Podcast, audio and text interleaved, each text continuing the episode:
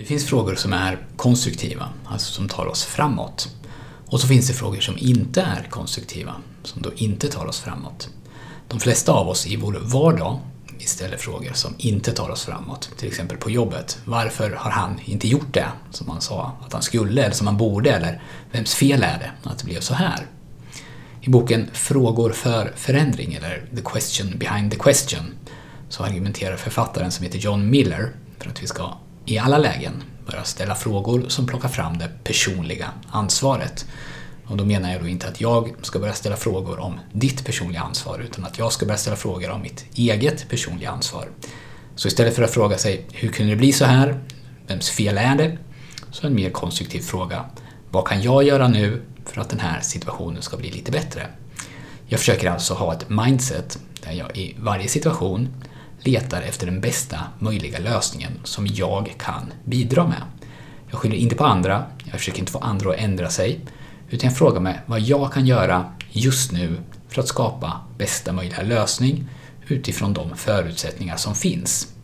Miller han kallar det här för att ställa ansvarstagande frågor. Han säger att inget gott kommer från att leta syndabockar eller från att skylla ifrån sig, utan det vi har att jobba med det är den situation vi befinner oss i just nu. Det spelar ingen roll hur vi kommit dit och det mest konstruktiva vi kan göra det är att jobba härifrån och göra jobbet från och med nu så bra som möjligt. Det betyder ju förstås inte att vi inte ska lära av våra misstag eller att vi ska tolerera vad som helst från andra, men det betyder att vi inte ska fastna i sånt som inte hjälper oss framåt, att vi inte ska lägga vår energi där.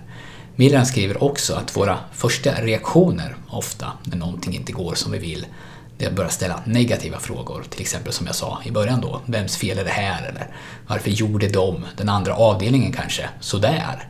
Förstod de inte att det skulle gå så här fel? De här frågorna de skapar en negativ utgångspunkt som gör det svårare att komma framåt på bästa sätt. För det är ju sannolikt så att den här andra avdelningen då i det här exemplet har en helt annan bild av vad som har hänt och vems fel det är.